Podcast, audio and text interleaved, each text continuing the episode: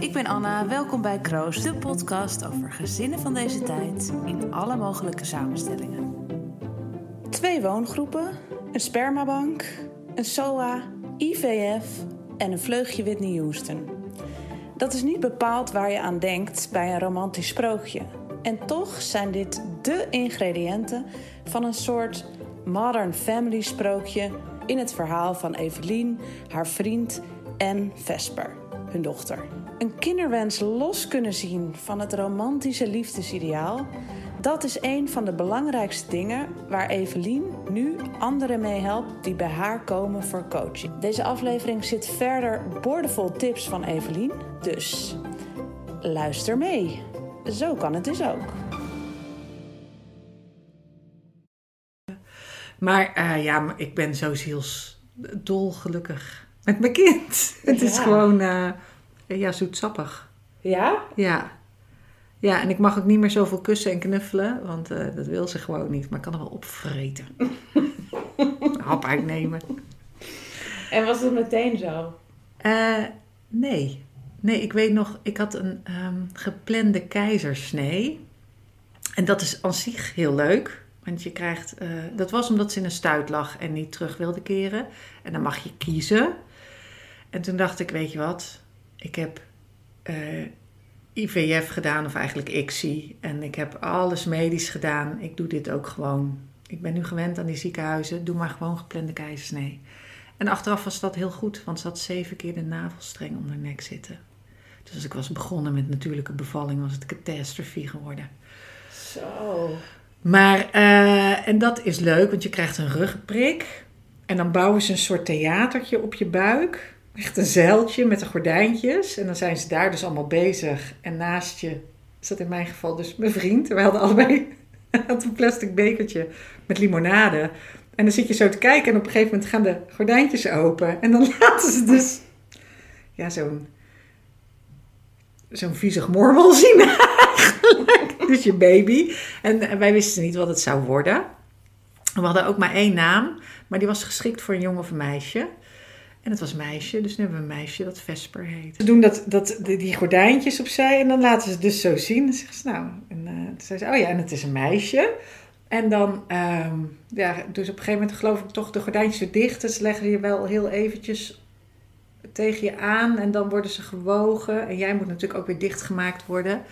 Maar uiteindelijk ehm, was dat wel leuk. Het nadeel is dat je daarna veel drugs krijgt. Nou ben ik niet heel Mm. erg tegen drugs, maar in zo'n ziekenhuis als het warm is. En dan eh, krijg je morfine en pijnstillers. Op een gegeven moment zei je, joh, hou op, want ik heb er helemaal eh wauws van. Dat is Ja. niet nodig. En dan mag je na twee dagen mochten we al naar huis. Toen hadden we van tevoren al eh, tips gekregen van een vriendin die zei... check even van tevoren hoe je een Maxi-Cosi installeert in de auto. Want anders sta je daar, heb je net voor het eerst voor je leven een baby vast. En het is veel ingewikkelder dan je denkt. Eh, dus dat hadden we geoefend. En toen waren we thuis bij mij in de woongroep. Want eh, eh, niet zo heel lang daarvoor was mijn vriend zijn huis afgebrand. Oh. Ja, dus hij woonde even tijdelijk bij mij in de woongroep. Wat ook heel prettig is, want als er net een baby geboren is en je hebt net die keizersnede gehad, Zo, ja, natuurlijk. dan uh, uh, je kan je kan niet zo makkelijk overeind komen en zo. Maar verder was het allemaal ja leuk, vooral Ja. heel leuk. Met muisjes en slingers met kaarten en uh, een wiegetje. En, uh, en ik weet ook nog dat mijn moeder, die zei um, van tevoren... Ik ben bij de bevalling. En toen zei ik, nou nee, je bent niet bij de bevalling. Jawel, zegt ze, ik ben bij de bevalling. Ik zeg, nee mam, ik ben degene die gaat bevallen. Dus ik weet of dat je erbij bent of niet. En je bent er niet bij. maar toen zei ze wel, ik zei, kijk, dat ga ik zelf doen. Samen met mijn vriend. En dan daarna mag jij... Um, komen jullie natuurlijk gewoon als eerste langs. En toen zei ze van tevoren al een keer van Uitberg op Zoom naar het Lucas Andreas ziekenhuis gereden om te kijken hoe de route was, zodat ze er zo snel mogelijk konden komen. Oh. Dus dat was uh, wel heel leuk. Oh, Want lief. met een geplande keizersnede ja. kun je ook nog zeggen precies wanneer het gaat gebeuren. Ja. Want die uh, gebeurt twee weken voor de uitgerekende datum. Ja. Dus en toen um, nou, moest mijn vriend uiteindelijk toch een eigen huis. heeft ze nog even in de auto, OT 301 uh, gezeten. En daarna vond hij zelf een huis. En nu wonen wij ieder in ons eigen huis. En gaat Vesper heen en weer. Ja. En woon je nog in een woongroep? Ik woon al bijna twintig jaar in dezelfde linksradicaal biologisch-vegetarische woongroep. En dat linksradicale, nou ja, iemand moet het zijn. er is bijna niemand meer. Ik geloof dat. Nee, er zijn zelfs ook weer mensen D66 gestemd. Dus dat verklaart uh, het verlies van links in de verkiezingen. Van maar zo heet de woongroep? Of, of dat is nee, het heet uh, Bewonerscollectief met een K. Ah, dus het is wel een beetje jaren zeventig. Ja. En uh, wij voeren één huishouden. Dus wij wonen met acht volwassenen. Vier mannen, vier vrouwen. En wij koken voor elkaar en we doen boodschappen voor elkaar. Dus ik moet dit weekend de huisboodschappen doen. Dus uh, na deze uh, podcast ga ik nog even anderhalf kilo kaas halen. En morgen ga ik tien broden halen. En ik uh, vul de potten pindakaas aan, chocopasta en... Allemaal dat soort dingen? Ja, en dat doe je één keer in de twee maanden. Dus om, iedere keer heeft iemand de beurt. Mm -hmm. En dan door de week uh, kook je een keer en voor de rest kun je mee eten. Dus het is een, uh, ja, echt een commune. Ja. ja. En, en daar, daar zitten dus ook kinderen bij? Nou, Vesper zit daarbij. En uh, er zit sinds kort, zit, heeft mijn huisgenoot een kind gekregen met een dame die, waar, die ooit bij mij op een kinderwenskompas is geweest. En waarvan ik toen zei, die, zij zat in een relatie en haar vriend wilde geen kind en zij wel. Mm-hmm. Toen zei ik, je kan ook je relatie aanhouden, maar kijken of er een, een, bekende donor is met wie je samen een kind zou kunnen krijgen. En uh, die bekende donor is mijn huisgenoot geworden per toeval. Want mijn huisgenoot zei ooit eens aan tafel: Stel nou voor dat ik donor wil worden, waar ga ik dan heen? En ik had hen allebei verwezen naar de site OneWish waar okay. wensouders elkaar kunnen ontmoeten. Dat is een hele interessante site. Dat is echt voor mensen die samen een kind willen. Ja. En, uh, is dit ook dan een beetje het uh, speed daten voor dus mensen met een kinderwens? Is dit ja, dat kan. Volgens mij zit dat ook op meer dan gewenst. Maar meer dan gewenst heeft van origine... Uh, is die opgericht voor homo's. En ja. er komen ook heel veel hetero's. En, dus die verzorgen ook speed dates. En One Wish is, heeft, heeft, niet die, heeft niet die achtergrond, maar is echt gewoon een dating site voor mensen met een kinderwens. Ja. En dat kunnen of mensen zijn die co-ouderschap willen, of uh, uh, mensen die een bekende donor zoeken. En dan heb je dus nog heel veel varianten. Dus mijn huisgenoot, zijn dochter heeft hij op vrijdag en zaterdag. En nu geloof ik in de coronaperiode was het dan donderdag, vrijdag en zaterdag, omdat natuurlijk de opvang dicht is. En uh, is hij zielsgelukkig mee. Oh. Ja. Dus die is net, maar die, die scheelt veel met Vesper. En er is nog iemand anders die ook twee kinderen heeft. Die is gescheiden. Maar die kinderen zijn al wat ouder, dus die zijn er wat minder. Ja. Dus het is niet dat je nou. Dus dat had, is wel jammer, had ik ook leuk gevonden. Echt een commune met, met een hele. Met kinderen, meerdere kinderen. Ja, en kinderscharen. Dat ja. was leuk geweest. Ja. ja. Want uh, ging je dit dan ook overleggen met de commune? Ja, ik heb um, op een gegeven moment over die kinderwens gepraat met de mensen bij mijn huis. Ik heb een tijdje toen nog ook met iemand die bij mijn huis ge, uh, gewoond heeft gedate voor onze kinderwens. Dus was ik aan het daten met mijn huisgenoot.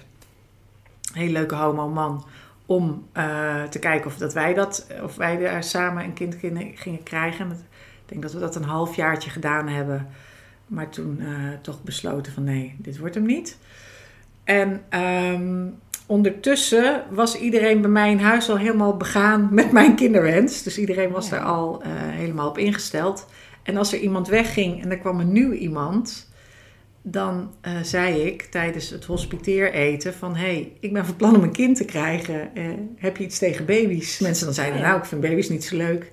Dan zei ik achteraf in de evaluatie, nou, ik vind het niet zo leuk. Ja, precies. Toen had ik wel mazzel, maar ik merk dat ik best veel mensen spreek... die van plan zijn om in hun eentje een kind te krijgen. Dus of aan solomoederschap te beginnen...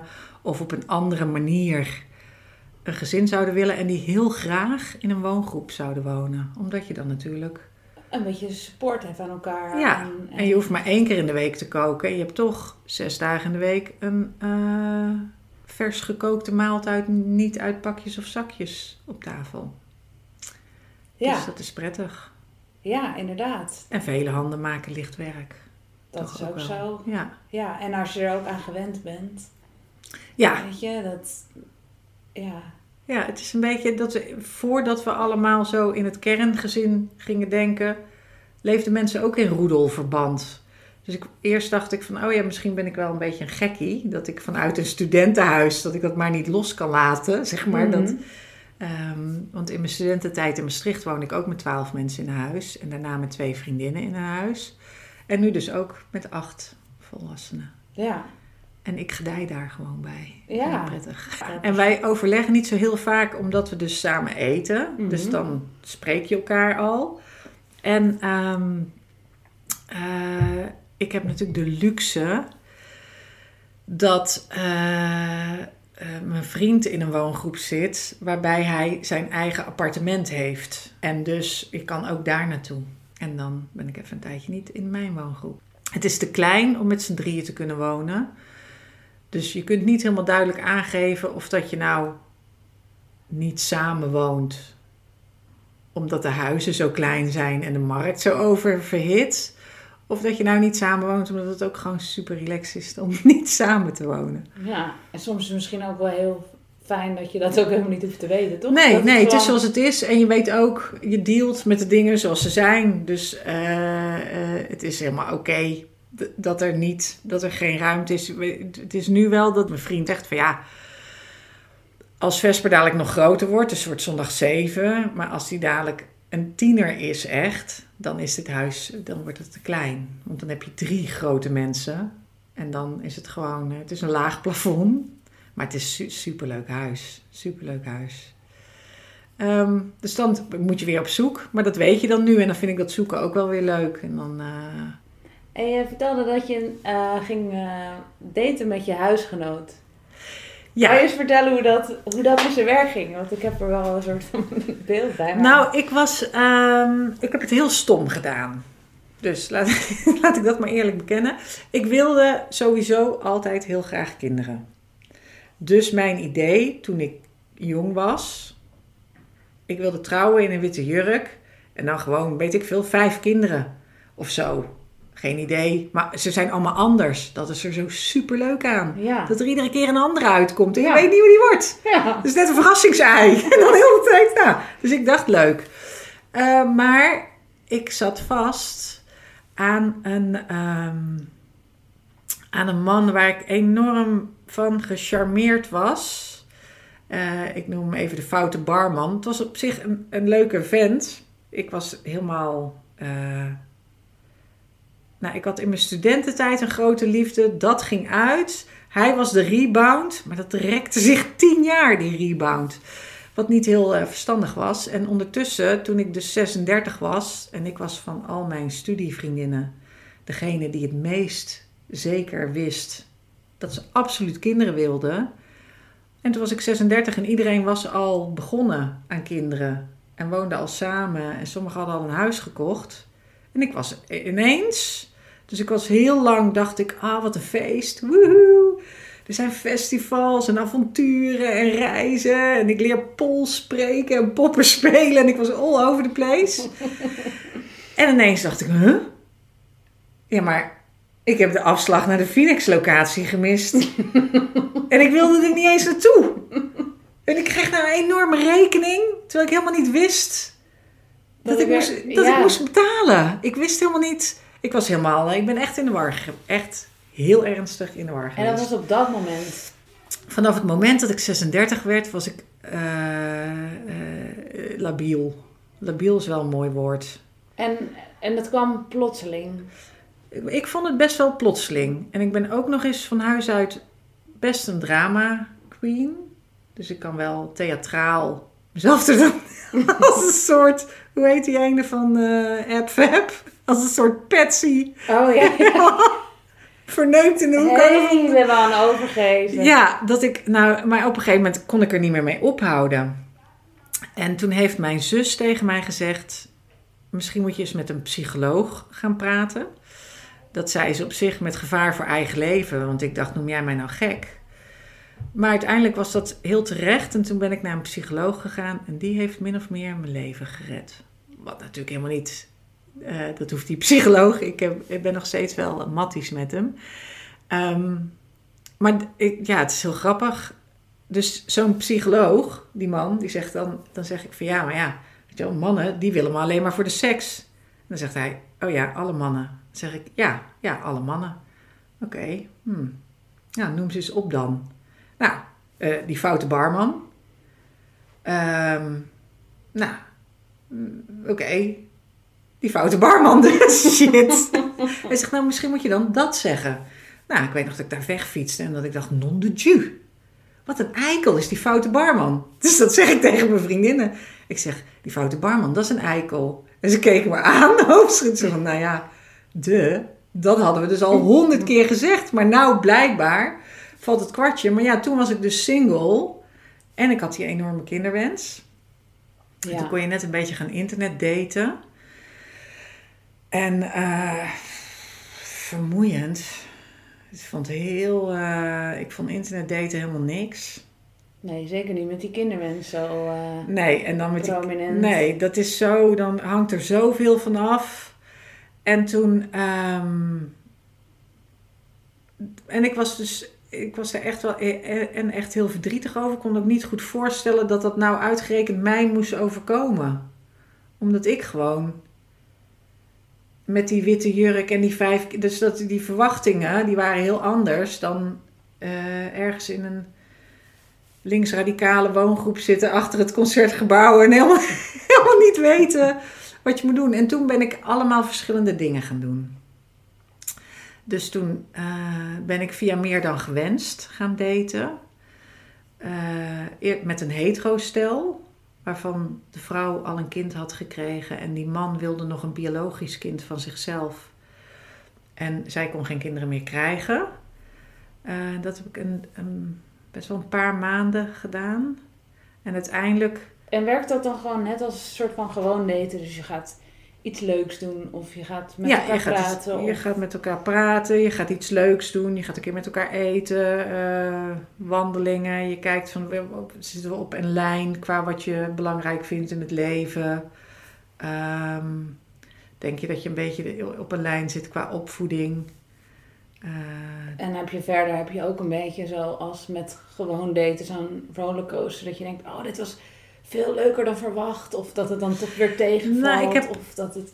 Ik weet dat met dat um, hetero-stel ging het een beetje als een nachtkaars uit. Dat ik op een gegeven moment dacht ik van... Ja, zij is ook wel een hele dominante vrouw. En dat ben ik ook wel. Maar ik kan me ook wel voorstellen dat het botst. En zij was ook nog eens arts.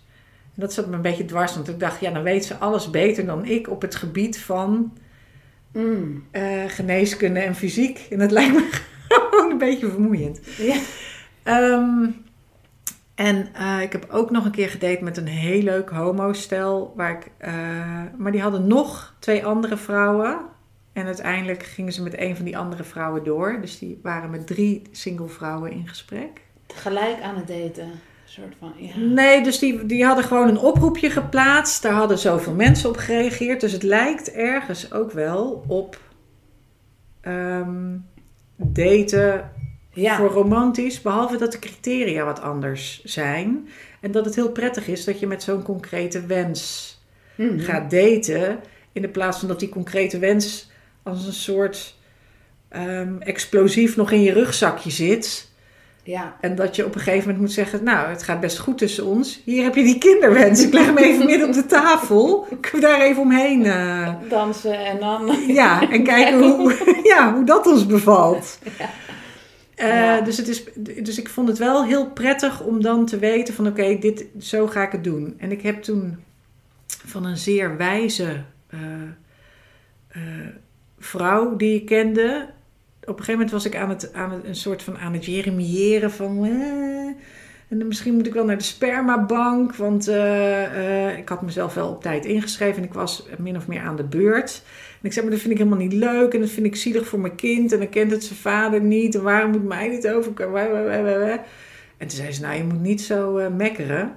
er is gewoon een juiste optie voor iedere tijd. Dus als je eerst heel graag een vader voor je kind wil vinden, dan hou je je daarmee bezig. Als je per se een kind als bekroning op de liefde wil, dan probeer je dat als eerste. En anders probeer je in co-ouderschap. En als dat niet lukt, dan kun je kijken, wil ik wel of niet een spermabank. Maar niet zo gaan lopen mekkeren van, oh. En toen dacht ik, ja. En toen ineens werd ik zo helemaal rustig. Toen dacht ik, zo is het ook. Er is een juiste optie voor iedere tijd. Toen heb ik me ingeschreven bij de spermabank. En toen. Ehm, uh, Want en hoeveel tijd was hier dan ongeveer overheen gegaan? Want je zei dus, je had dus die labiele fase toen je 36 was. Ja, en toen ben ik. Um, ik denk dat ik twee jaar lang echt van alles heb geprobeerd. En uiteindelijk. Um, was ik aan de beurt bij de spermabank. En tegen die tijd was ik ook bij de psycholoog geweest en had ik dus al uh, mijn huidige vriend, die ik nu nog steeds heb. Ik weet nog dat ik, dat ik naar hem keek met vastenavond in het zuiden. En dat ik dacht, ah, maar jij bent een goede vent. In ieder geval in, voor, een, voor een serieuze relatie. Mhm. Dus wat ik deed was daarvoor, was dat ik altijd zocht naar mannen om avonturen mee te beleven en om, om mee te feesten. En dat ik dan ook een soort van teleurgesteld was dat ze er niet waren voor de huiselijkheid en voor de geborgenheid. Maar dat zocht ik ook. Ik, ik, wat ik zocht was ja, feestbeesten en vlierenfluiters en muzikanten en avonturiers en barmannen en, en uh, ja, spanning en sensatie. Ja. en, en dus het duurde even voordat ik mezelf realiseerde van, oh, als je op zoek bent naar huiselijkheid en geborgenheid, dan moet je ook naar die kwaliteiten op zoek gaan in iemand. En ik, wij kregen iets en um, dus hij wilde niet hij stond niet meteen te trappelen. Hij kwam net uit een relatie, daar had hij liefdesverdriet van. En hij zei, ik kan niet, ik, het is, gaat te snel. Ik kan niet nu binnen een paar maanden uh, onder druk van jou zeggen dat ik een kind met je wil. Dat gaat gewoon niet. Maar ik wil ook niet dat jij je kans op een kind verspeelt. Want ik zie wel hoe, hoe graag je dat wil. Dus um, ja, uh, anders ga naar de spermabank. En als je dan uh, zwanger wordt en we zijn over negen maanden nog samen, wil ik het misschien wel adopteren. En vriendinnen van mij zijn natuurlijk ook een beetje van. Uh, nou, sommige één vriendin reageerde er heel goed op. Die zei, nou, dat, was er één. Die zei, ik, ik begrijp dat wel.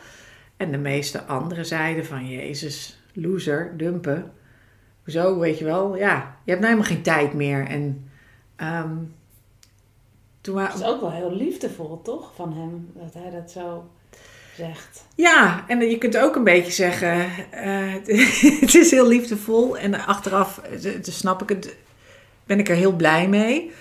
Maar je kunt ook zeggen, ja, wat is dit voor, weet je, wat is het voor slappe hap? Get over it. Uh, dame waar hij daarvoor iets mee had gehad, die had een kind en daar was hij een soort van bonuspapa van geweest. En toen dat overging, mocht hij die ineens niet meer zien. Oh ja. En hij had, er was ook geen reden meer voor om, uh, om die uh, band nog. Uh, er was geen reden voor om die band in stand te houden. Maar ja, dat. Dat is wel pijnlijk. Natuurlijk. Dat is pijnlijk, ja. dat is verdrietig. Dus daar was hij denk ik ook verdrietig over. Dus ik, ik snapte met al zijn verdriet en de, dat hele emotionele fase waar hij in zat, dat, die, dat liep niet synchroon met mijn heigerige kinderwensfase. En dus uh, toen zei ik op een gegeven moment, had ik een vriendin aan de telefoon. Toen zei ik, ja eigenlijk zou ik wel willen vragen of dat hij meegaat naar de spermabank. Toen zei ze, nou doe je dat toch? Dus toen heb ik hem meegevraagd naar de spermabank. En zei ik, nou kan je mijn handje vasthouden. En dat deed hij. Terwijl ik geïnsemineerd werd met het zaad van uh, B100. En die verpleegkundige die dat deed, die was nog best wel lomp. Want die zei, uh, goh meneer is mee. Nou hè, dan kan, kan, kan u de hand vasthouden en dan uh, is het toch ook nog een beetje van u. Want dat is dan toch een mooie oplossing. omdat zij dacht, oh, hij is onvruchtbaar. En daarom komen ze hier. En toen zei ik dus, nou, het is niet dat hij niet eh, kan, hij wil niet. En toen had zij, maar dat zei ik misschien zelf ook niet helemaal goed. Maar toen zei, toen, dus toen zei zij van, nou, dat vind ik helemaal, hoezo wil je niet, weet je wel? ik denk, oh nee, begint ze zich, het is al lief dat hij meegaat, don't go there. Ehm, dus eh, eh, toen ben ik drie keer geïnsemineerd. Maar ik werd niet zwanger. En toen ben ik vrij assertief. Heb ik een afspraak gemaakt met de gynaecoloog. Daarna de huisarts gebeld en gezegd: Ik heb een afspraak met de gynaecoloog. Want ik word geïnsemineerd en niet zwanger. Dus ik wil mijn vruchtbaarheid laten checken. En toen uh, hebben ze in de verkeerde volgorde allerlei onderzoeken gedaan. Dus eerst een laparoscopie, dat is een kijkoperatie waarbij ze een gaatje maken in je vagina om naar de buitenkant van je eierstokken te kijken. Die zagen er heel mooi uit. En toen moest dat genezen. En daarna hebben ze met contrastvloeistof uh, uh, druk gezet op de baarmoeder om dan te kijken of dat je eileiders open zijn. En die bleken allebei dicht te zitten.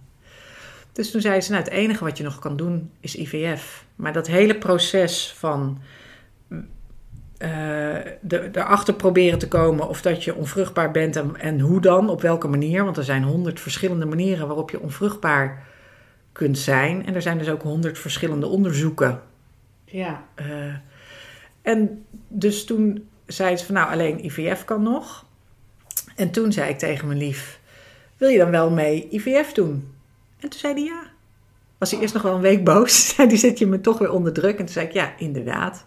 Ja. Dat doe ik. En toen zei hij, weet ik nog heel goed, reden we terug uit de Ardennen, waren we bij Maastricht.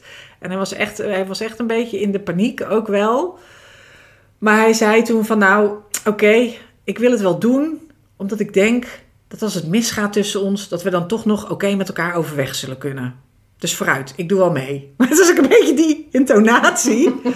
Toen zei ik, ja, stop de auto. Wij moeten door Maastricht gaan wandelen. Want dit is het meest romantische wat iemand ooit tegen mij gezegd heeft. um, en toen zijn we aan IVF begonnen.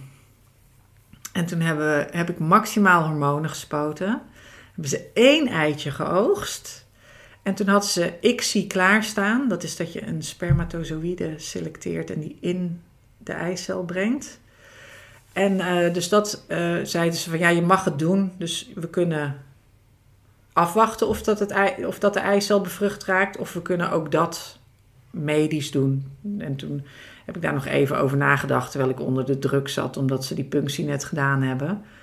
En toen uh, zei ik, weet je wat, doe ook maar, we maken de kans zo klein mogelijk, opdat ik geen kind krijg. En de kans zo groot mogelijk, opdat ik wel een kind krijg. En toen uh, was het ook nog heel spannend of dat het dan gaat delen. Toen moesten we bellen, weet ik nog. En toen belden we. Jeetje, wat spannend ook dat er één eicel ja, was. Oh. Ja, en toen belden we en toen zei ze, nou, het is nog niet helemaal goed gaan delen. Dus, uh, maar het is ook niet helemaal niks. Bel morgen nog maar eens terug. En toen belden we de volgende dag terug en toen zei ze, ja, het is vannacht toch gaan delen. Kom maar, dan plaatsen we terug.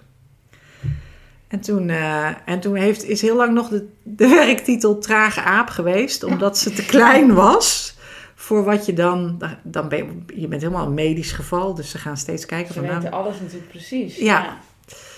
Dus, um, maar goed, morgen wordt ze zeven, dus het eindigt in een sprookje. Wauw. Ja. En, uh, ja, en, dat, en dat niet samenwonen is, is ook heel prettig. Dus het is fijn om samen te slapen en om met z'n drieën s ochtends in bed te knuffelen en om samen film te kijken en spelletjes te doen. Maar het is ook zo fijn om af en toe te kunnen zeggen: hé, hey, anders ga jij even lekker naar je eigen huis. of dat je zegt: weet je wat, ik ga Ik gewoon even. naar mijn eigen huis. Ik ga even naar mijn eigen huis. Ik bel wel als het weer. Uh, als ik weer zin heb om bij jou te zijn. Ja. Ja. Je zei dus van, nou, jullie kwamen uit het ziekenhuis. En toen is hij dus meteen even meegegaan, want hij had toen ook geen huis. Ja. Dus Ja. toen hebben we heel even samen gewoond. Ja. En wat is dan heel even? Ik denk ehm, zes weken, iets, ehm, twee maanden, zoiets. En Maar zo na de bevalling is één grote blur. Ja, dus misschien tuurlijk. waren het veel. Ik heb geen idee, maar het is een maanden, weken, maanden kwestie. Precies. En toen, maar toen ging hij dus toch weer zijn, of tenminste zijn eigen huis. En hadden jullie toen van tevoren bedacht van, nou, we gaan, dit wordt ons ritme, we gaan zoveel dagen. Ja. Dit, dat hadden jullie wel van tevoren bedacht. Ja, dat hadden we van tevoren bedacht. Dus ik zat op zich oké in die woongroep. En we hebben ook in het begin, de crash was bij mij om de hoek. En nu de basisschool is bij hem om de hoek. En dat is ook daar over dat soort dingen denk je dan ook na. Omdat dat is dan toch uiteindelijk waar het kind het meeste gaat zijn. Want nou krijgt ze dus ook bij die school in de buurt wonen al haar vriendjes en vriendinnetjes. En het is Stadsdeel Zuid en, en Artes. Het is 15 minuten fietsen, wat eigenlijk precies net relaxed is. Maar als Vesper dus bij mij is en we moeten 's ochtends naar school, dan moet ik dus een kwartier met haar fietsen in de ochtendspits. 20 minuten. Amsterdamse ochtendspits, mensen. Dat is levensgevaarlijk. En, en wat was dan het, eh, het ritme of zo wat jullie hadden bedacht? Eh, wij hebben een. eh, iemand zei tegen mij: Ja, god, noem je dat papadag en mamadag? Maar ik vind dat de makkelijkste bewoording. Hmm. Dus wij hebben in de week twee papadagen, twee mamadagen. De woensdag wisselt en het weekend is meestal samen. Dus dat is een 50-50 verdeling. Ja. Ja, best wel ideaal. ja, en dat was eigenlijk vanaf het begin zo en dat ging gewoon... eh, Nou, toen ze een baby was niet. Want dan zit je al met borstvoeding. En dan slapen ze sowieso heel veel. Dus je kan weet je wel 24 uur met zo'n baby. Maar een baby slaapt 14 uur of zo. Het is, ik weet, eh, die gaat wandelen, je bent op kantoor. En, en ze tukt lekker. En dan werk je een uurtje. En dan wordt ze wakker. En dan wandel je weer terug. Die verdeling is 50-50. En op papier is alles bij mij. En ik heb wel... eh, je bedoelt gezag. eh, eh, ja, en ik heb de voogdij aan mijn vriend op een, op een formulier ingevuld dat als ik onder een tram loop, dat het dan zijn kind is. Maar ik heb familierechtadvocaten. ik denk als ik die nog eens benader, dat die zeggen: nee, jullie hebben het nog niet helemaal. goed- Wij zijn niet zo van de, de juridische regel. En dat moet je eigenlijk wel doen. En ik had. Want hoe zijn jullie hierbij dan gekomen, nou, bij deze constructie? Juridisch gezien, zeg maar. Dit is hoe het is gegaan. Dus dit is niet een. Oh. eh, dit, is niet, dit is niet een. eh, ehm, Iets wat vastgelegd is. Nee, dus we hebben helemaal niks gedaan. Want hij heeft, heeft hij het kind erkend? Ja, want ze heeft zijn achternaam. Dus bij de IVF was ook duidelijk, maar dan, en dus bij ICSI is het ook, dus als je, als je eh, erkent heb je niet automatisch gezag. Eh, en wij wonen op verschillende adressen, alleen zij heeft wel zijn achternaam, ja. En vriendinnen zeggen dan, ja, en als het misgaat, dan, nou, als het misgaat, heb ik en twee vriendinnen die familierechtadvocaat zijn, die hele goede advocaten zijn. Dus dat, dat is al, eh, als je misgaat, wil je er graag samen goed uitkomen.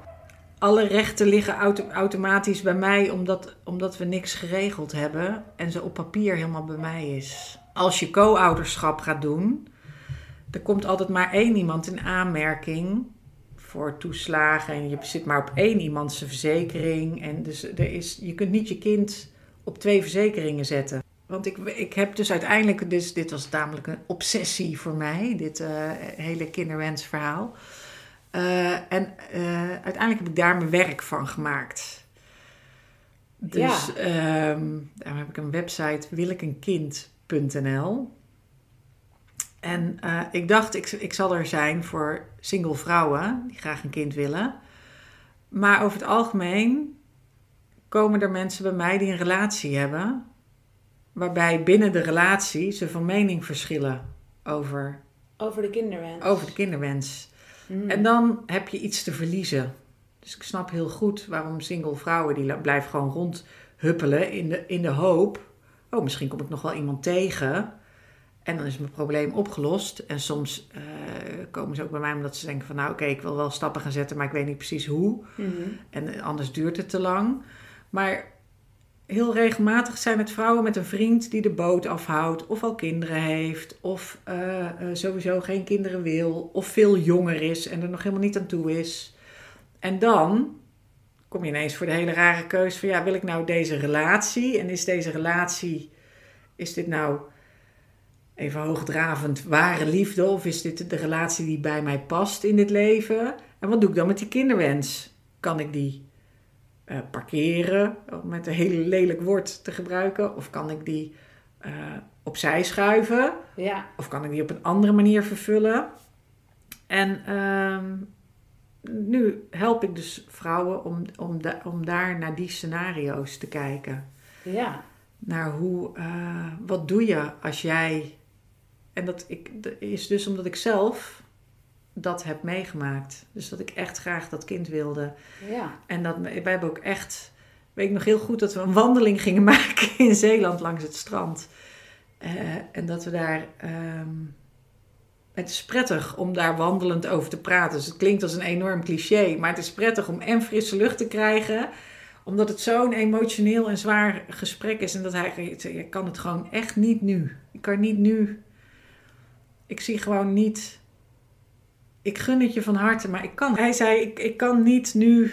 Um, onder druk van jou, omdat jij zo'n haast hebt, kan ik het gewoon niet. Ik kan het niet eens beslissen, omdat jij, omdat jij er zoveel druk op zet.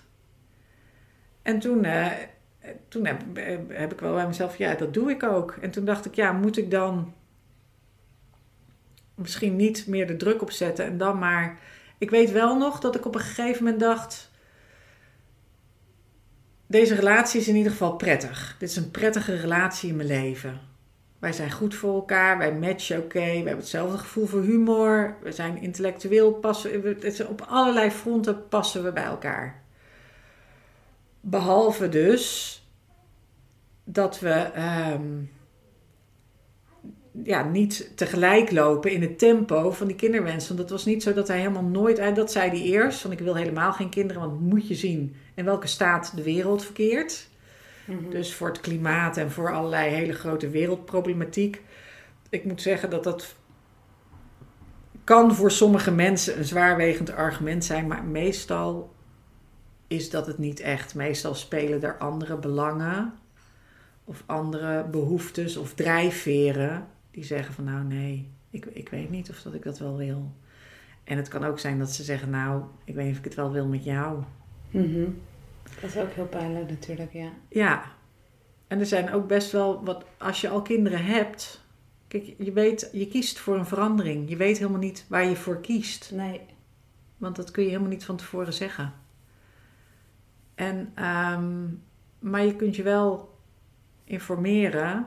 Alleen ja, je hebt maar beperkte tijd. Ja.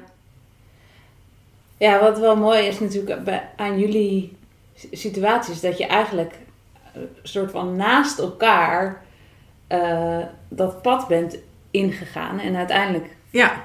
dat en samen dat er... kunnen af, ja, zeg maar, in vervulling laten gaan. Ja, en dat komt dus, uiteindelijk bleek dus die uh, dat ooit chlamydia gehad hebben en dichte eileiders hebben. En dus de, de oh. nachtmerrie van de SOA top 10 waar je voorbij fietst. Dat je denkt, oh verschrikkelijk, uh, dadelijk heb ik uh, chlamydia gehad, zitten mijn eileiders dicht. Nou, en wat als dat dus precies... Oh, ja. Belachelijk genoeg hetgene is waardoor we nu dus samen een kind hebben. Want daardoor sloegen die inseminaties niet aan en is het gek genoeg. Dat ene, die ene eicel, ja. die vesper. Uh... Ja, die vesper geworden is. Ja. En ook dat we, um, dat je dus merkt dat ik dacht van nou oké, als jij mij in dit proces gewoon mijn handje vasthoudt en dat we nog een beetje lol kunnen hebben op weg van de, naar de spermabank, dan vind ik dat ook, dat is en dat, daarvan merk je dat is een talent dat ik heb om van dingen te genieten die klein en alledaags zijn. Dus het hoeft helemaal niet groot en meeslepend, wat ik vroeger wel dacht. Het kan ook gewoon prettige kleine dingen zijn. vind ik sowieso als je een kind hebt. Dat je denkt. Ik had vanmiddag een gesprek met iemand erover van ja, maar dan moet je al je vrijheid inleveren. Ik zeg ja, maar het geeft ook heel veel vrijheid terug. Alleen herken je het niet als vrijheid. Maar als je met je kind bent, ik check mijn telefoon niet. Die ben ik gewoon kwijt. En dan hang ik daar en dan zit ik een uur ook. Ik heb ooit eens met allemaal dingetjes die je vindt in de natuur een taartje gebouwd in een zandbak. Nou, dat ga je als volwassen vrouw ga je dat niet zomaar doen. Als je een kind hebt, en dat is ook een bepaald soort vrijheid. Ja. om gewoon. En, en het is natuurlijk, je hoort wel dat mensen zeggen van ja, maar ja, weet je wel, mensen met kinderen die gaan wel op tijd naar huis. Vroeger voor corona, toen we nog naar kantoor gingen. Ja, ja, ja. ja. Maar dat is dus ook een vrijheid. Je kunt het ook als excuus gebruiken. Die vrijheid krijg je ook met een kind. Je zegt nee, ik kan niet, mijn kind is niet. Of nee, ze heeft slecht geslapen vannacht, ik, uh, ik blijf even thuis. Dus het biedt, het biedt op een andere manier ook weer vrijheid. Ik heb nog nooit zo in het moment geleefd als sinds Vesper er is. Dat ik denk, ik hoef helemaal nergens anders te zijn, aan niets anders te denken. Alleen maar dit hier, zo is het goed. Of de uitslag van de verkiezingen en de wereldproblematiek, de vluchtelingen aan de Middellandse Zee. Het is allemaal, je kan het ook niet meer aan. Dus ik kan ook niet, dat had ik wel sinds ik een kind heb, kan ik gewoon, ik een tijd lang ging steeds huilen als het NOS-journaal was. Nou ja, op een gegeven moment denk je, laat maar even zitten, het NOS-journaal. Als ik de krant open doe, dan kijk ik hoeveel bolletjes de Sudoku heeft. Ja, precies. That's it. Meer kan niet. Dat is even het maximaal haalbaar. Misschien doe ik nog een vegetarisch recept check. Maar dan houdt het op. En dat is ook een bepaald soort vrijheid. Want die, dat, weet je, je, je gunt jezelf helemaal niet meer zo... Uh, nee. Dat kinderlijke, dat... dat nee. uh, maar bij jullie is het echt, nou ja, zoals je zegt... Het is allemaal heel mooi eigenlijk door Glaminia naast elkaar die ene eicel, weet je. Het is echt zo'n, het is zo'n verhaal wat gewoon heel mooi is, ja, is rondgekomen, zeg maar. Maar hoe help je dan andere mensen die dus nu in een relatie zitten en die met zo'n, ja, hoe doe je dat? Um, eerst echt kijken echt wat je wil. Het moeilijkste is dat je je kinderwens loskoppelt van het romantisch liefdesideaal. Daarom ben ik zo blij met jouw podcast. Het zijn eigenlijk allemaal mensen die dat doen. Dus het is allemaal heel liefde, er zit heel veel liefde, maar dat romantisch liefdesideaal dat dicteert dat het vinden van de ware liefde het ultieme doel is in het leven. En dat een kind komt als bekroning op die ware liefde. Nou, ik kan dat niet. Ik, word, oh, ja. ik vind het zo afschuwelijk. Ja. En ik heb ooit, toen ik afstudeerde, uh, daarna willen promoveren op het romantisch liefdesideaal. We hebben het dus over 2000, 20 jaar geleden. Wilde ik daarop promoveren en heel zo via dan een enorme omweg kom ik terug bij het romantisch liefdesideaal. En dat ik dus, ik heb veel liever een realistisch liefdesideaal. Ja. En wat dus betekent, wat ik ook bijvoorbeeld grappig vind, uh, ik weet niet of ik zijn naam goed uitspreek, Lieleke Muus. Meneer Muus, het is een acteur. Hij heeft een boek geschreven. Ik ken alleen maar, ik zag dat boek voorbij komen. Ik denk, ja, de. Over dat, uh, en zo kan het dus ook, over dat hij gescheiden is. En dat hij aanvankelijk dacht, het ideaal is samen, kind als bekroning op de liefde, de hoeksteen van de samenleving. Gewoon een beetje het kerngezin zoals we het kennen. Hij dacht dat dat het ideaal was, maar nu die gescheiden is, zegt hij van ja, ik kom erachter dat en dat is ook helemaal niet raar, want je wordt in alles gekneed en, en een soort van opgeleid tot onafhankelijk individu. En dan ergens moet er een soort 180 graden draai gemaakt worden.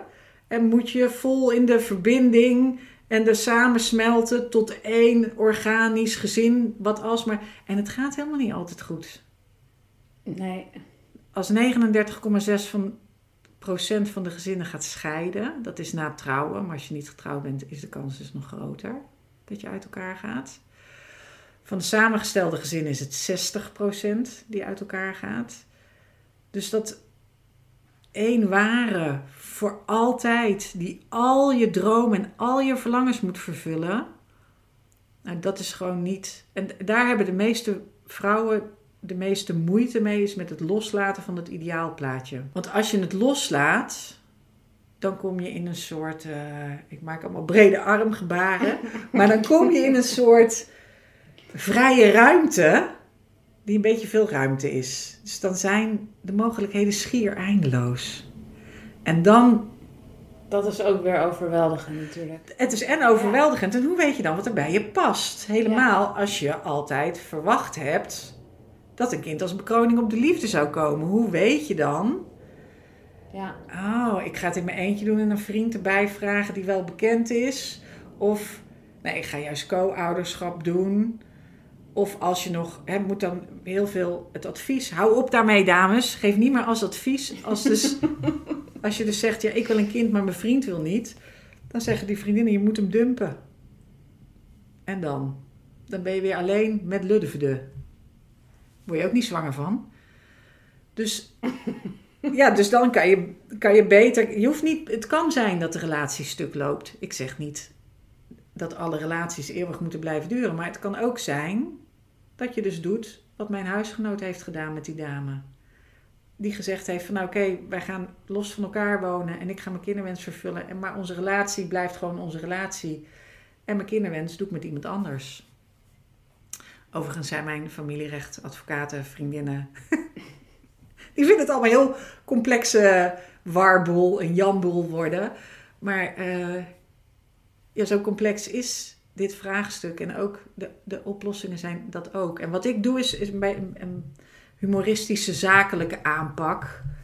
Om te kijken, wat wordt het nieuwe ideaalplaatje? Wat past er bij je? Waar loop je warm van? Wat zijn dan de stappen die je moet zetten? En hoe... Uh, dus en ook dat mensen weer een beetje plezier erin krijgen. Want als je dus niet, als je de, ik weet nog dat heel goed dat het voelde als verlies nemen. Ik, ik hou heel erg van experimenteren en onderzoeken. Dus alles, want je kan alles in je hoofd bedenken. Maar een, eh, iets denken over iets is niet een beslissing nemen. Dus ik uh, noemde mezelf beslishulp, omdat ik mensen help bij het nemen van de beslissing. Maar een beslissing nemen is niet denken: oh, ik wil wel een kind. Dat is geen, want dat, er zit geen handel. Een beslissing is een handeling. Je moet Mhm. echt een soort actie ondernemen. En het moeilijkste is eigenlijk om te besluiten, als je geen kind wil, welke actie zit daar dan aan vast? Ja. Want die, die, die mensen kom ik ook nog wel eens tegen die zeggen van ja, ik denk dat ik het niet wil, maar hoe weet ik dat dan zeker? Dus dat is ook weer op een ander niveau ook heel ingewikkeld. Maar ik vind wel, dat is, ook dat is een heel mooi. ehm, het gaat over zo. Het is zo'n wezenlijk onderdeel van je bestaan. Dat grappig genoeg is het prettig om daarmee aan de slag te gaan. Er komt een levensfase waarvan je denkt: dit is de vraag die ik moet beantwoorden. ja. En dan is dat, dan, dan wil je daar ook mee. Ja. Ja, al heb je ook mensen die zich gewoon een beetje opgehaast voelen door die deadline. Die, die eigenlijk niet eens per se nu iets anders willen of iets. Maar die gewoon denken van ah, straks kan het niet meer. Ja, maar dat, en dat vind ik, ik vind het heel vervelend. Want toevallig had ik ook net nog iemand aan de telefoon. Dat ik, ja, als je eind 37, begin 38 bent, dan is dat voor een vrouw, is dat, zit je tegen de deadline aan. Dus Ja. dan is dat de leeftijd. Dan moet je gewoon concrete stappen gaan zetten. Ja. Dat is niet. ehm, dan, dat, dat merk je zelf. Dus ik had op mijn 36ste. Ik denk dat het ook. En het kan ook zijn dat het uiteindelijk niet gebeurt. Er is een heel goed boek. Echte vrouwen krijgen een kind. Vind ik een briljant boek. En dat. eh, eh, mensen vallen soms over die titel, maar die titel. Iemand zei: Ja, maar dat zeggen mensen niet echt. Dan zeg ik: Nou, dat zeggen mensen wel echt hoor. Vergis je niet. Echte vrouwen krijgen een kind, lieve meisjes, eh, die worden wel moeder. Dus als je, eh, Mm. als je hele vervelende, koppige rotmeisjes hebt, dan worden ze geen moeder. Nee, dat is niet waar. dus, maar er zijn zo heel, dat moederschap is nog heel. omge- dat is een soort heilig ding. En dat zit zo, er zit zo'n taboe op als je dat anders wil gaan doen. Of als je, Of als je dat dus echt niet wil. of als je het echt niet wil. Ja. Dat kan. Terwijl je natuurlijk zo, er zijn zo ook zulke goede redenen om het niet te willen. Zeker. Mijn eigen levensmotto helpt me ook in alles in deze, omdat ik mijn, dat is datgene waar je energie in steekt, groeit. Dus als je in een relatie zit en je bent het niet eens over de kinderwens, het grootste probleem is dat heel veel vrouwen op een andere manier steeds dezelfde vraag stellen. Namelijk, wil je mij een kind geven? Als je daar de, de energie in blijft steken, dan groeit dat probleem. Mhm. Dus als jij steeds blijft vragen, wil je mij een kind geven en hij blijft steeds nee zeggen, dan gaat het vanzelf uit. Want daar word je gek van. Als iemand zo'n vraag in honderdduizend verschillende vormen zegt ze, ja, maar dat vraag ik niet. Ik vraag gewoon en dan komt er iets en dan zeg ik, ja, maar wat je dus bedoelt is de retorische vraag. Ja. En als je, ook al wil je dat niet, dus ik zeg ook altijd tegen vrouwen van, dat staat gewoon op één. Met stip op één is, zelfs als ik met lesbische dames werk, is een kind krijgen van de ware liefde. Ook al is dat genetisch niet helemaal in vragen, maakt niet uit.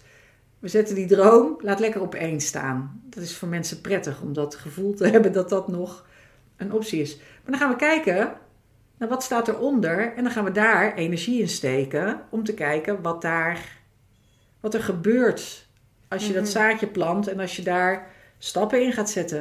En Ja. precies wat jij zegt, het is met mensen praten, het is, is op oproepjes kijken, het is boeken lezen, het is eh, schrijven. Dus het kan ook heel erg. Ik werk heel graag met verhalen, omdat het heel moeilijk is om. Lijstjes werken niet in een kinderwens, omdat dat te rationeel is. Maar als je voor jezelf een verhaal schrijft over jezelf, dus eh, de best case scenario over wat als ik met een donor ga, wat is dan het best case scenario? En als ik nou met een donor ga, wat is de worst case scenario? Mm. En dan zie je waar je grootste verlangens zitten en waar je grootste angsten zitten. Die je, die je misschien niet, als je, er, als je lijstjes zou maken, zouden die niet misschien zo in één keer naar boven komen. Nee. Ja, dat is grappig dat je zegt ook dat dat rationele niet, niet zo goed werkt. Nee, dat. En eh, ja, wat, wat mijn eh, zinnetje was, wat Ja. dus een vriendin van mij eh, tegen mij zei. Ik, ik was dus ook erover aan nadenken. Die vriendin, zij heeft zelf drie kinderen, die zei ja, als je er, als je er echt goed over nadenkt, of je kinderen wil of niet, maar gewoon echt heel goed, dan doe je het nooit. Dat heeft eigenlijk alleen maar nadelen. En eh, nou, dan noemen ze een hele. En zei ze, ja, maar eh, zo'n beslissing neem je ook niet met je ratio.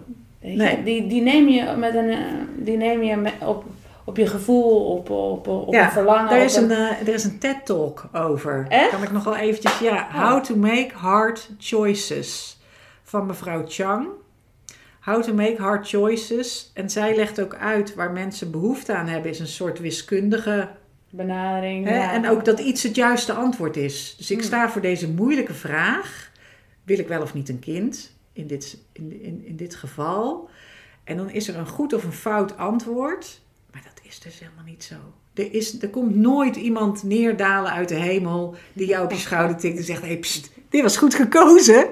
Hè, er gaan er allemaal lichtjes knipperen en er komt confetti uit de lucht warrelen. Want dit is de juiste keus. Gaat niet gebeuren. Nee, Nee. bij een hard choice weet je intuïtief. Ja, oké, fuck it. Dit is wat ik wil. Ik, ik voel hier gewoon meer voor. En het kan ook zijn dat je denkt dat je iets wil en dat je er stappen in aan het zetten bent. En dan denkt: nee, abort mission, ik wil het toch niet. Nee. Dus daarom moet je een beetje lol hebben in het experimenteren en het zetten van die stappen. En je moet alert blijven om te kijken: is dit nog wel wat ik wil? Of als je van huis uit heel erg loyaal bent, heel erg een loyalist bent, kan het ook zijn dat je zomaar meegaat in wat iemand anders doet. En dat je denkt: oh ja, nou, ik, ik, ik kabbel er maar een beetje achteraan. Zowel als je wel kinderen krijgt als zonder kinderen zul je daar soms ambivalent over zijn. Dus als mijn dochter iets overkomt, nou, ik durf niet eens uit te spreken, hier moet ik al hè, Ja. even op de tafel, want dan kan je natuurlijk, als je dat zegt, nou, dan jinx je het of weet ik veel. Maar goed, ik weet ook toen ik zwanger was, heb ik Tonio gelezen. En nog andere afschuwelijke boeken. Dat iemand zei, waarom doe je dat? Ik zei, weet ik niet. Het is een soort, net zoals krabben aan een korstje of zo. Oké, het is een soort... ehm, ja, mentally deranged. Dat kan ook. Ik, maar de... Dus, en dat is bijvoorbeeld ook dat, dat... Ik weet nog dat ik in het begin dacht, motherfuck.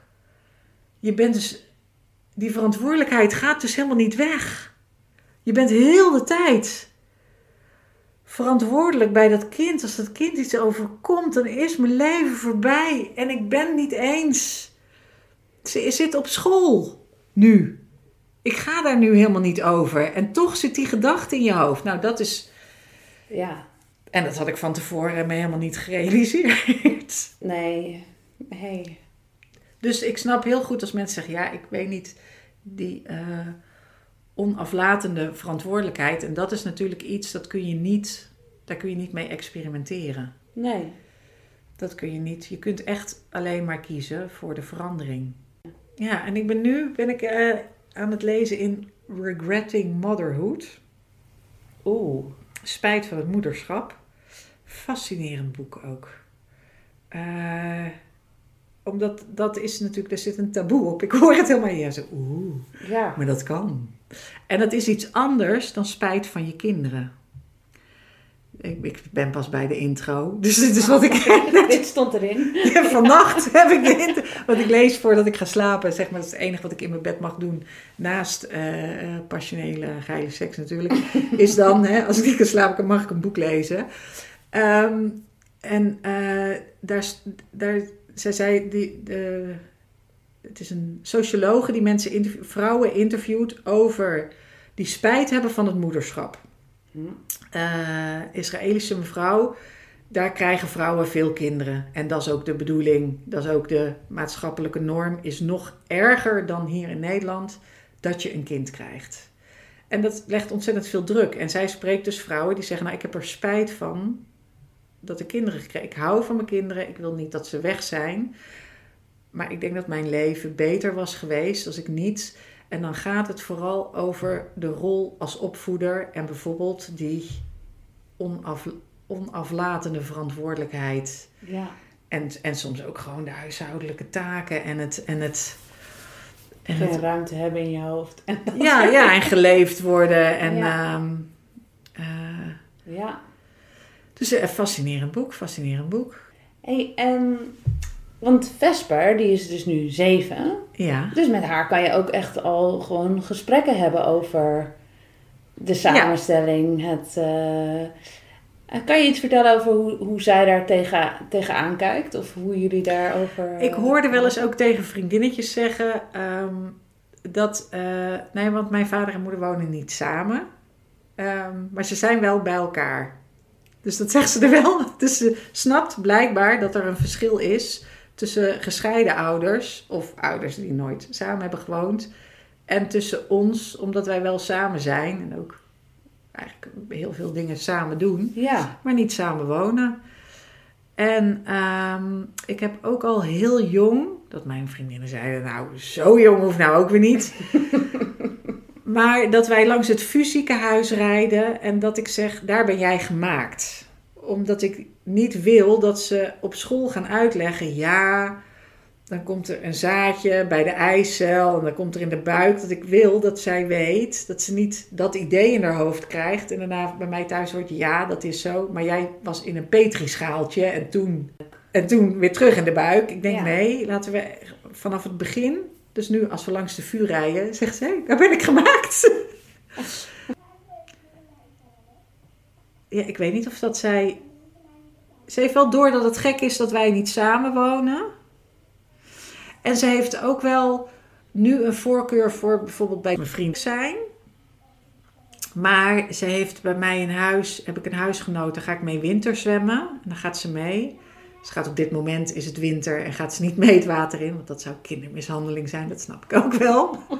maar dan gaat ze wel mee. En dan, en dan vindt ze dat dus hartstikke leuk. En ze vindt het ook leuk om, uh, om dan uh, met mensen te stoeien of, of op zo'n zo'n slackline te lopen. Of, dus ze krijgt wel van allebei mee. Daar, maar um, in, de, in haar klas zijn volgens mij...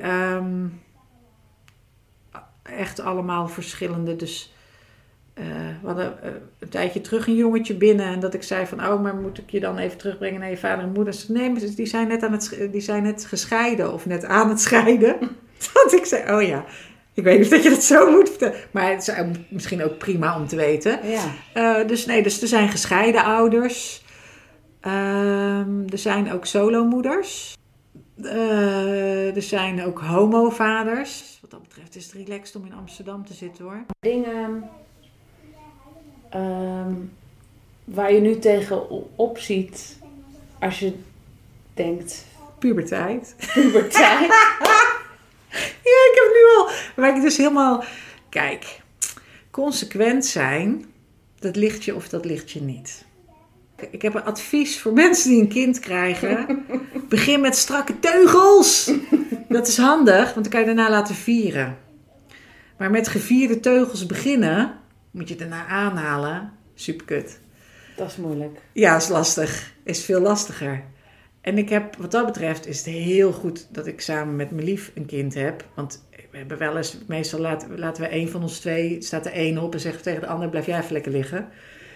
En dan in het weekend mag ze een filmpje kijken en uh, nou ja, eh, geef je eens wat lekkers en weet ik veel. En dan op een gegeven moment dan zegt ze, nou ik wil nog iets lekkers of ik wil nog een filmpje. Dan zeg je, nee nou is het klaar. En dan krijg ik dus een discussie. Terwijl ik snap ook wel dat het kind 7 is. Ik ben 47, ik heb meer levenservaring. Ik ga die discussie winnen. Nee, nee. Dus je moet geen discussie voeren. En dan komt mijn vriend de slaapkamer uit en die zegt dan... Ik had er al tien keer op de gang gezet. En dan denk ik, oh ja, de gang, de gang. Ze kan op de gang. Ze moet op de gang. Maar dat, dat, dat, ik ben dan van heel veel tekst. Hm. En, dan, en zij blijft proberen. En dit is nog... Het leert je heel veel over jezelf. Het leert je, het is een enorme verrijking. Maar jullie hebben daarin dus, als, je, als ik dit zo hoor, allebei een hele andere stijl. Nee, we zijn. Nee. de stijl is hetzelfde. Uh, en misschien is dat ook altijd wel zo. Nee, nee ik, leer, ik, ja, ik leer van hem. Hij is veel. Um, hij kan al bij een intonatie of een blik, of dat is meteen op de gang. Dan denk ik, ah ja, en ik ben van de tekst. Dan ga ik dingen uitleggen of proberen. Of, uh,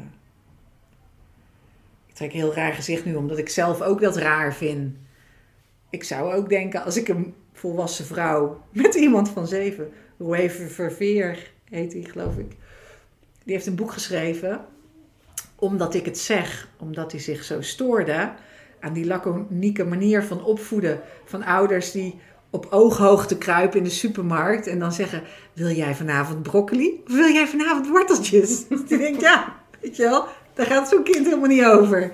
Dat moet je zelf doen. En ik ben ik zit op ooghoogte in de supermarkt. En ik zie, ik zie dus dat dat stom is. Maar het is best wel een, eh, een leerproces om dat te veranderen. Dus, uh, maar ik ben blij dat er nog iemand is bij wie ik dus kan afkijken. Ja, en dat samenwonen, ik weet niet. Dus ik denk, voor mij is het wel prettig om samen te wonen. Maar niet per se één op één samen te wonen. En het kan ook zijn dat er een fase aankomt dat ik dat wel wil hoor. Ik, ik sluit dat helemaal niet uit. Maar en het gaat ook in golven. Soms ben ik heel blij met hoe het is en soms zit ik in zak en as en denk nee. Oh ja? Ik ben geen flatliner qua gevoel. Verre van. ik ben net Whitney Houston. Hoge pieken, diepe dalen. nee, zo erg is het niet. Uh, maar dankjewel. Ja, leuk. Ik ben heel benieuwd. En dit was het verhaal van Evelien. Ben je nou benieuwd naar meer, zoals alle tips nog een keer op een rij? Kijk dan in de show notes of op kroostpodcast.com. Bedankt voor het luisteren. Tot de volgende keer.